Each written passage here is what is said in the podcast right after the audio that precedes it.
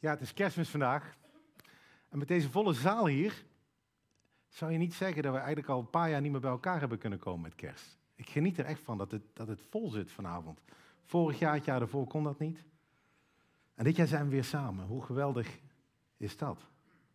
Voor heel veel mensen, en voor mij ook toen ik opgroeide, was dit de avond. De enige avond eigenlijk. In een jaar dat ik naar de kerk ging. Misschien ben je dus al drie jaar niet meer in een kerk geweest. Misschien zijn sommigen van jullie in 2019 voor het laatst hier geweest. Hoe, hoe je hier ook komt vanavond, je bent welkom. Dit jaar hebben we gekozen voor een thema. En het thema heet Here Comes the King. Daar wil ik het over in hebben vanavond. Die gaat te snel. Die, die koning die mag even terug. Nee, nog eentje. Oh, al mijn, surprises zijn weg zometeen. Oh, jullie zien het niet. Ik zie allemaal rare dingen. Top. Weten jullie, als ik zeg van hier komt de king, als ik ga hebben over koning, weten jullie waar ik het dan over heb? Iemand? Konings? Elvis Presley. Elvis Presley, ja, bijna. Kerstavond. Wij hadden vroeger, eh, ik ga het toch vertellen hoor. Wij hadden vroeger hadden wij thuis een kerststal. Onder de boom. En in die kerststal zaten figuurtjes. Er waren uh, herdertjes. Er waren een os. Een ezel. Een kribbe. Een engel hing erboven. Geen Messi. Ik weet, misschien hebben sommigen van jullie dat vandaag in de krant gelezen. Je kan in in, in Argentinië en in Spanje kan je Messi-figuurtjes kopen voor in de kerststal. Moet je maar eens opzoeken, dat is heel bijzonder. Uh, die hadden wij niet. Maar er waren twee dingen die wij als kinderen leuk vonden om te doen. De eerste was, die kribbe bleef leeg. Die kribbe bleef leeg tot morgen vroeg, kerstochtend. Dan legden we babytje Jezus in de kribbe. Geweldig. En het andere wat we deden was, we hadden een paar kamelen met wat figuren. En die kwamen van ver af. Dus iedere dag zetten we die een stukje dichter bij de kerststal. En dan net op de dag dat die kerstboom afgebroken werd. Welke dag? 6 januari. Waarom? Drie koningen. Yes. Op de dag dat die kerstboom afgebroken werd, kwamen die drie koningen dan aan.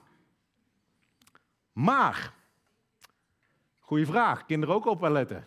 Hoeveel koningen zit er in het kerstverhaal? Wie zegt één?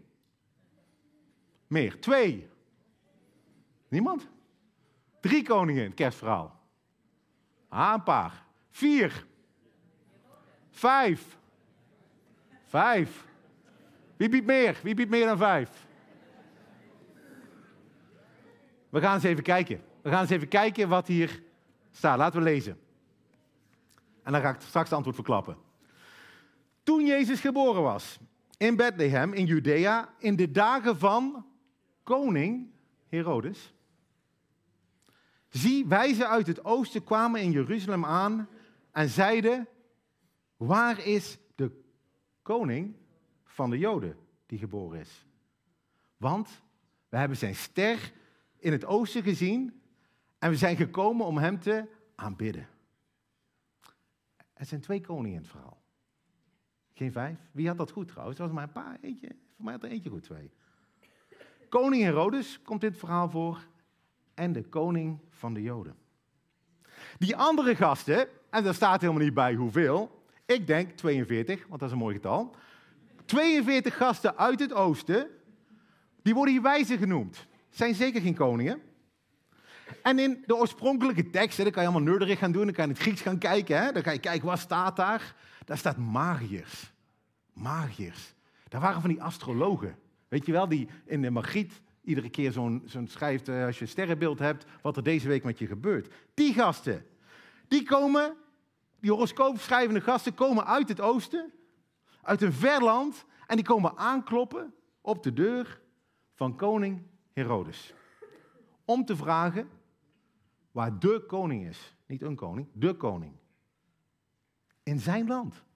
Waar Herodes tot die ochtend nog dacht dat hij de koning was. Dan moet je eens voorstellen dat je Herodes bent. Is dat niet een beetje raar? Moet je even voorstellen. Jij bent Willem-Alexander. Daar was dat plaatje net voor. die ik hier al zag komen. Willem-Alexander, die zit met zijn kersttoespraak. Er komen 42 gasten op zijn deur kloppen. Beste Willem, waar is de koning? Die hier geboren is. Ik denk, ik weet niet of Willem dat grappig vindt, Maxima denk ik wel. Die zal het wel heel grappig vinden. Maar het is eigenlijk heel bizar. Maar nu doe ik eens even niet bij, bij, bij koning Willem. Nu gaan we eens naar meneer Poetin, hè, die foto die net al stiekem op scherm stond. Wat zou er gebeuren als jij naar het Rooiplein in Rusland gaat? Je klopt op de deur. Dag Vladimir. Waar is de koning van Oekraïne? Van Rusland. Ik denk niet dat hij dat grappig gaat vinden. Ik denk zelfs dat je dan een hele stille kerst gaat vieren in Siberië. Als je zoiets gaat doen. En dat gebeurt ook met Herodes. Hè? Herodes is in verwarring. En hij roept iedereen bij elkaar. Hij zegt, hier staat het, toen koning Herodes dit hoorde, raakte hij in verwarring en heel Jeruzalem met hem. En nadat hij alle schriftgeleerden en overpriesters van het volk bij elkaar had gebracht, wilde hij weten waar de Christus geboren zou worden. Hij vraagt dus de regeringsleiders, kom eens. Hij neemt dit heel serieus, hè, deze Herodes. Is er iets opgeschreven over deze koning? Waarom komen die gasten uit het oosten? En ze duiken met z'n allen in de Bijbel en, en ze vinden een tekst. Een tekst van een profeet van 400 jaar daarvoor die iets opgeschreven had. En de wijze mensen, niet de wijze, de schriftgeleerden, de overpriesters, zeggen tegen hem in Bethlehem. In Bethlehem in Judea. Want zo staat het geschreven door de profeet. En de profeet had het volgende geschreven. In u, Bethlehem, land van Juda, u bent beslist niet de minste onder de vorsten van Juda, want uit u zal een leidsman voortkomen die mijn volk Israël wijden zal. De profeet Micha had dit opgeschreven, dat iemand zal komen die al vanaf eeuwigheid bestond, maar in Bethlehem geboren zou worden. Hoe kan dat? Als koning van de Joden. Huh? Herodes, die krabt achter zijn oren. En die denkt, misschien zit er iets in het verhaal van die 42-jarige gasten. Misschien zit er iets in. Hier word ik een beetje onzeker van, denkt Herodes. Want wat moet hij nou? Hij is koning. En in één keer staan daar gasten die zeggen dat er nog een koning is. Dus hij roept die gasten uit het oosten bij elkaar. En hij vraagt hen nauwkeurig naar de tijd dat de ster verschenen was. En hij stuurde ze naar Bethlehem en zei: Ga erheen en doe nauwkeurig onderzoek naar dat kind. En als u het gevonden hebt, kom dan terug bij mij, bericht het mij, zodat ik ook het kan komen aanbidden. Het gezegde is: een kat in het nauw maakt rare sprongen. En Herodes voelt zich heel erg bedreigd in zijn bestaansrecht als koning van Israël. Dus zegt hij, zoek het eventjes uit voor mij. Kom mij het adres vertellen, dan ga ik beschuit mijn muisjes eten. Nee, sterker nog, ik ga het kind aanbidden. Maar daar was hij helemaal niet van plan. Hij was helemaal niet van plan om dat kind, om dat beschuit mijn muisje te komen eten. Hij wilde het kind vermoorden. De mannen uit het oosten gaan op pad.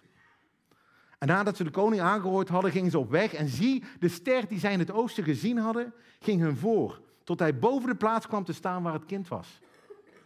En toen ze de ster zagen, verheugden ze zich met grote vreugde. En toen ze in het huis kwamen, niet de stal, in het huis kwamen, vonden ze het kind met Maria, zijn moeder. En ze vielen neer en aanbaden het kind. En ze openden hun schatkisten en ze brachten hem geschenken van goud, van wierook en mirre. Dure cadeaus voor een heel arm gezin. Misschien wel de meest kostbare geschenken van die tijd. En nadat ze door een aanwijzing van God in een droom gewaarschuwd waren om niet terug te keren naar Herodes, keerden ze langs een andere weg terug, naar hun land. En koning Herodes wacht in zijn paleis. En hij wacht. En hij wacht, maar de mannen komen niet. Hij moet het probleem zelf oplossen. En hij weet één ding. Bethlehem. Dus vermoordt hij alle kinderen onder de twee jaar in de stad. Dat is het kerstverhaal vanavond. En ik weet niet hoe je hier gekomen was. Met welke verwachting? Samen stille nacht zingen. Iets lekkers eten. Met een goed gevoel naar huis gaan. Maar het kerstverhaal is geen feel-good story. Het is een rouwverhaal. Het is harde werkelijkheid. Inclusief oorlogsmisdaden, een genocide op kinderen. Zeer onzekere tijden met oorlog. En daarom is het kerstverhaal ook nog zo relevant voor ons vandaag de dag. Want kijk eens om me heen. Kijk eens in wat voor tijd dat wij wonen. Maarten noemde het al. We leven in onzekere tijden. Er is een oorlog in Oekraïne. Inclusief oorlogsmisdaden. Een koning in Rusland die zich bedreigd voelt in zijn bestaansrecht. Maar ook hier in Nederland. De prijzen gaan omhoog. Sommigen van jullie hebben de thermostaat op 14 graden staan. En desondanks durf je de envelop niet te openen van de energiemaatschappij. Sommigen van jullie hebben rekeningen die niet betaald kunnen worden. Eten is duur geworden. Huur is onbetaalbaar. En net als je denkt dat je het allemaal net op orde hebt, komt die overheid weer met de volgende stijging in prijzen. Een nieuw pensioenakkoord, een nieuwe zorgverzekeringspremiestijging. Motorrijtuigenbelasting weer op 5%. Hoe moet dat? Hoe moet dat volgend jaar? Het zijn onzekere tijden. En de dingen die ons altijd zekerheid hebben gegeven, onze overheid, ons pensioen, ons sociaal stelsel, onze banken, ons spaargeld, vrede die we hebben mogen ervaren de afgelopen jaren, zijn geen dingen waar we ons vertrouwen meer op kunnen stellen. En wat doet dat met jou? Hoe voel jij je in je bestaansrecht aangetast, net als Herodes? Waar zit voor jou de grootste onzekerheid? En de vervolgvraag, wat doe je met die onzekerheid? Hoe reageer je daarop? Misschien vind je de reactie van Herodes, alle kindjes onder de twee vermoorden, een beetje overdreven. Ik kan me zo voorstellen. Maar wanneer ben jij voor het laatste keer gegaan? Omdat iemand jouw idee over hoe het zou moeten zijn bedreigde? Hoe reageer jij als je bestaansrecht aangetast wordt? Als prijzen maar blijven stijgen? Als de overheid maatregelen afkondigt die onbegrijpelijk zijn? Als je plotseling ziek wordt? Wat doe je dan? Ik weet niet of jullie dit beeld kunnen herinneren. Januari 2021, hier in Eindhoven, tijdens onzekere tijden waarin de overheid besloot dat we om negen uur s avonds binnen moesten zitten. Nog een beeld. Boeren, ook hier in Eindhoven, die machteloos toekijken hoe hun bestaansrecht stopt. Maar misschien lijk je niet op een boer. En misschien lijk je ook niet op een hooligan op een stationsplein. Misschien lijk je meer op mij. Ik reageer door te proberen om controle te krijgen. Ik ga netjes alles uitrekenen op een rekenmachientje. Alles in een systeem drukken. Mijn kinderen op hun hart te drukken om niet 20 minuten te douchen. Dat is lastig met pubers. De lichten uit te doen als je ze niet nodig hebt. Een jas aan te trekken omdat de thermostaat al kouder staat. Veel succes daarmee trouwens. Ik wil graag het overzicht hebben. Ik wil graag controle hebben. En bij de volgende prijsstijging kom ik erachter dat die controle helemaal niet heb. Ik, ik had, we hadden zo goed bespaard op water dit jaar, want die douche die was toch wat gekort. Krijg je een bericht van de watermaatschappij dat ze de prijzen verdubbeld hebben omdat we zo weinig water verbruiken? Ik kan niet winnen. Ik kan niet winnen. Hier kan ik niet tegenop besparen. En dan kom je hier vanavond in deze kerk, op kerstavond, en hoor je een verhaal van een klein kindje dat geboren is in een stalletje, ver hier vandaan, lange tijd geleden. Zalig kerstfeest, eten kerstkrantje. Maar hoe gaat die baby helpen met deze problemen? Helemaal niet. Helemaal niet. Tenzij, tenzij deze baby de koning is waarover gesproken wordt. Waar de wijzen naar op zoek waren. Waar Herodes zo bang voor was. En dan nog hoor ik jouw vraag. Waar is die koning dan? Waarom grijpt die koning niet in? Maarten zei net, Jezus is bezig met zijn koninkrijk hier op aarde. Oh ja? Als God daarmee bezig is, God is alwetend, hij is almachtig. Waarom doet hij dan niks met mijn situatie? Heb ik dan niet hard genoeg gebeden? Heb ik niet genoeg geld aan de kerk gegeven? Is mijn geloof te klein? Als je het antwoord daar gaat zoeken, mis je de mooie boodschap van kerstmis. Want de mooie boodschap van kerstmis ga ik nou beperken tot drie punten.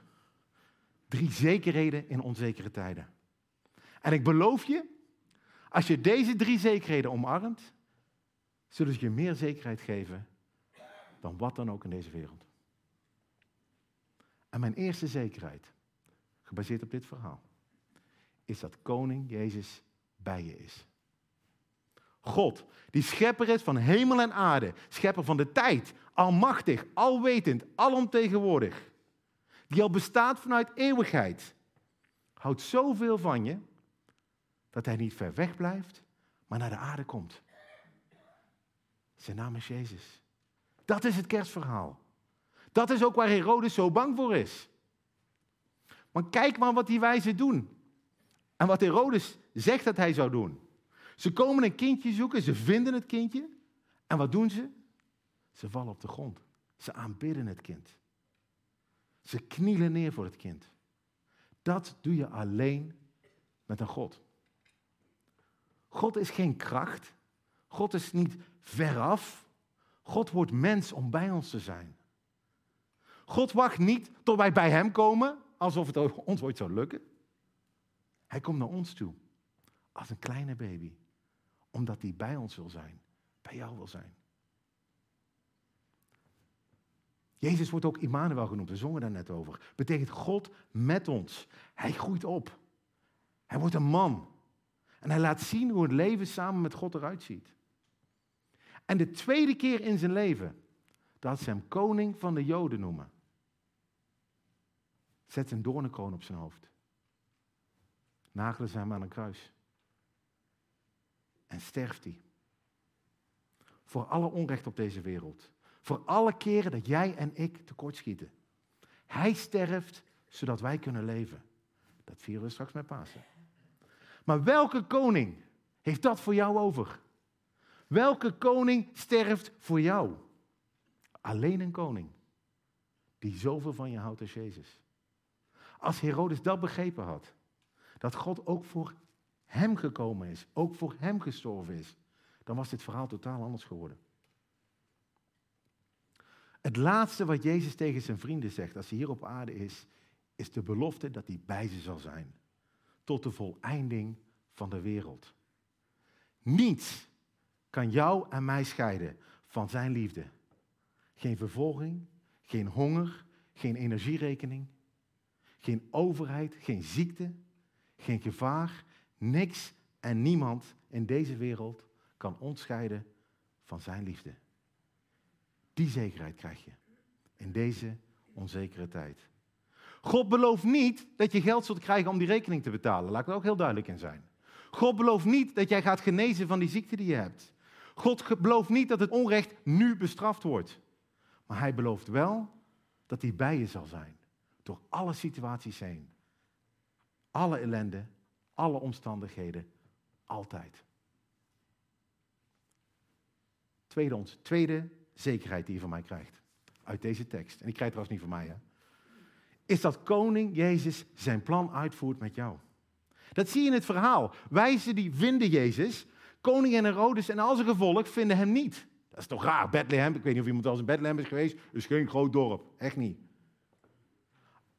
Alle dingen die van tevoren voorspeld waren over Jezus. Dat hij uit Nazareth kwam. En uit Bethlehem. En uit Egypte. Nou, succes. Ze komen allemaal uit. God had een plan. Geen mens kan zijn plan veranderen. Hij is in controle. En God heeft ook met jou een plan. En wat er ook gebeurt in jouw leven, als alles tegen jou lijkt te keren, dan nog zal God zijn plan met jou uitvoeren. En die zekerheid, die geeft enorm veel rust in deze tijd. Want Als ik dan lastige dingen in het leven tegenkom, net als jij misschien, en ik snap er echt helemaal niks meer van wat God aan het doen is. En als ik dan vraag aan God waarom die niet ingrijpt, dan is het korte antwoord, Maarten, wie is de koning? Als Maarten de koning was, dan zouden er hele andere dingen gebeuren op deze wereld. Maar als Jezus koning is, dan kan ik verwachten dat dingen anders gaan zoals ik wil. Dan kan ik blijven bidden en een groot geloof proberen te hebben, maar ik ben dan gewoon niet slim genoeg om te snappen wat God wil. Dat kan je gewoon verwachten met een God. Als vader weet je dat heel goed, hè? Soms moeten kinderen gewoon luisteren. En dan krijg je wel eens als antwoord, ik snap het niet.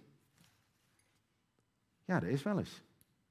Maar bij gehoorzaamheid gaat het niet of mijn kind het snapt, of dat hij het ermee eens is. Het is geen democratie, hè? Ruim je kamer op. Ja, waarom? Ja, omdat, omdat ik dat zeg. Zo werkt het. Ik kan niet wachten tot mijn kind van drie het met mij eens is. Met alles. Ik moet door. En wij verhouden ons tot God nog miljarden keren anders dan een kind van drie tot een vader van in de veertig. God voert zijn plan uit. En in zijn plan, Maarten noemde het net al, staat een, dat er een dag komt zonder pijn, zonder verdriet, waar wij de overwinning krijgen die Jezus voor ons behaald heeft aan dat kruis. En dat we daardoor Jezus van aangezicht tot aangezicht, face to face, mogen zien. Waar Hij iedere traan van ons gezicht af zal vegen. Waar we samen met Hem als koning hier op een nieuwe aarde mogen wonen. Dat gaat gebeuren. En tot die tijd is Hij bij ons. Mogen we met Hem ontdekken wat Zijn plan is voor ons leven hier nu hier op aarde. Hoe gaaf, hoe gaaf is dat? En als dat nog niet genoeg is, mijn derde zekerheid. Deze koning Jezus wil ook jouw koning zijn. Hij nodigt ons uit, jou uit. Ieder persoonlijk, net zoals hij die rare astrologen uitnodigde. Om hem te zoeken, hem te vinden en hem te aanbidden. Als Jezus jouw koning wordt, dan verandert alles in je leven. Hij houdt van je, hij heeft een plan met je. En de vraag is, mag hij dat plan ook uitvoeren in jouw leven? En er is maar één ding wat je daarvoor hoeft te doen. Het is heel simpel, maar niet gemakkelijk. Jij mag opstaan van jouw troon en hem de plek geven. Die plek waar je die controle hebt, mag je loslaten en hem de plek geven die jij altijd al, waar je altijd al gezeten hebt.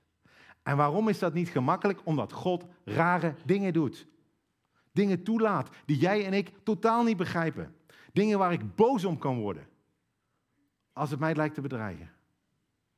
Als er één ding is waar ik het afgelopen jaar mee geworsteld heb. En een aantal van jullie weten dat.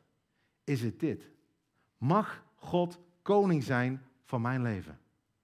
Mag Hij bepalen wat wel en, waar Hij wel en niet ingrijpt? Mag Hij bepalen of mijn kinderen gezond zijn? Mag Hij bepalen hoe gemakkelijk of hoe ongemakkelijk mijn leven is? Mag Hij keuzes maken die ik lastig vind? En het enige antwoord op die vraag is ja. Hoe moeilijk het soms, ik het soms, soms vind. Want Hij houdt van mij. Hij wil bij me zijn. Hij kent mij als geen ander. Hij is een liefdevolle vader die het beste met mij voor heeft. En mij accepteert met al mijn tekortkomingen. Mij waardevol vindt. En een plan met mij heeft.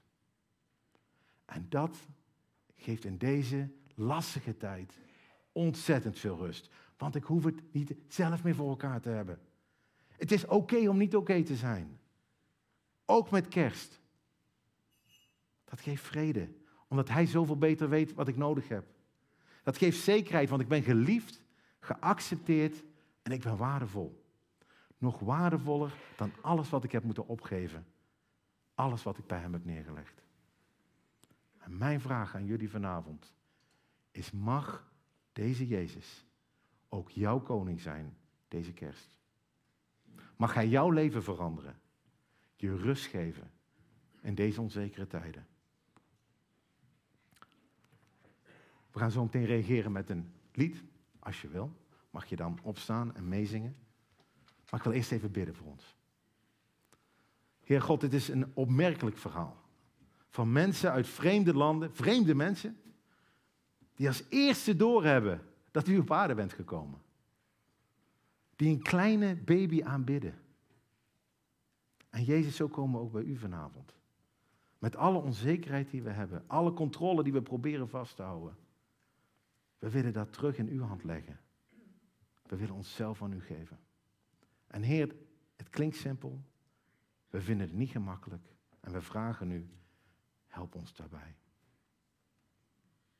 Laten we dan samen ook dat lied zingen, Offering. Dat wij onszelf geven als offer aan die koning. Net zoals die astrologen deden 2000 jaar geleden. En als je durft, zing mee.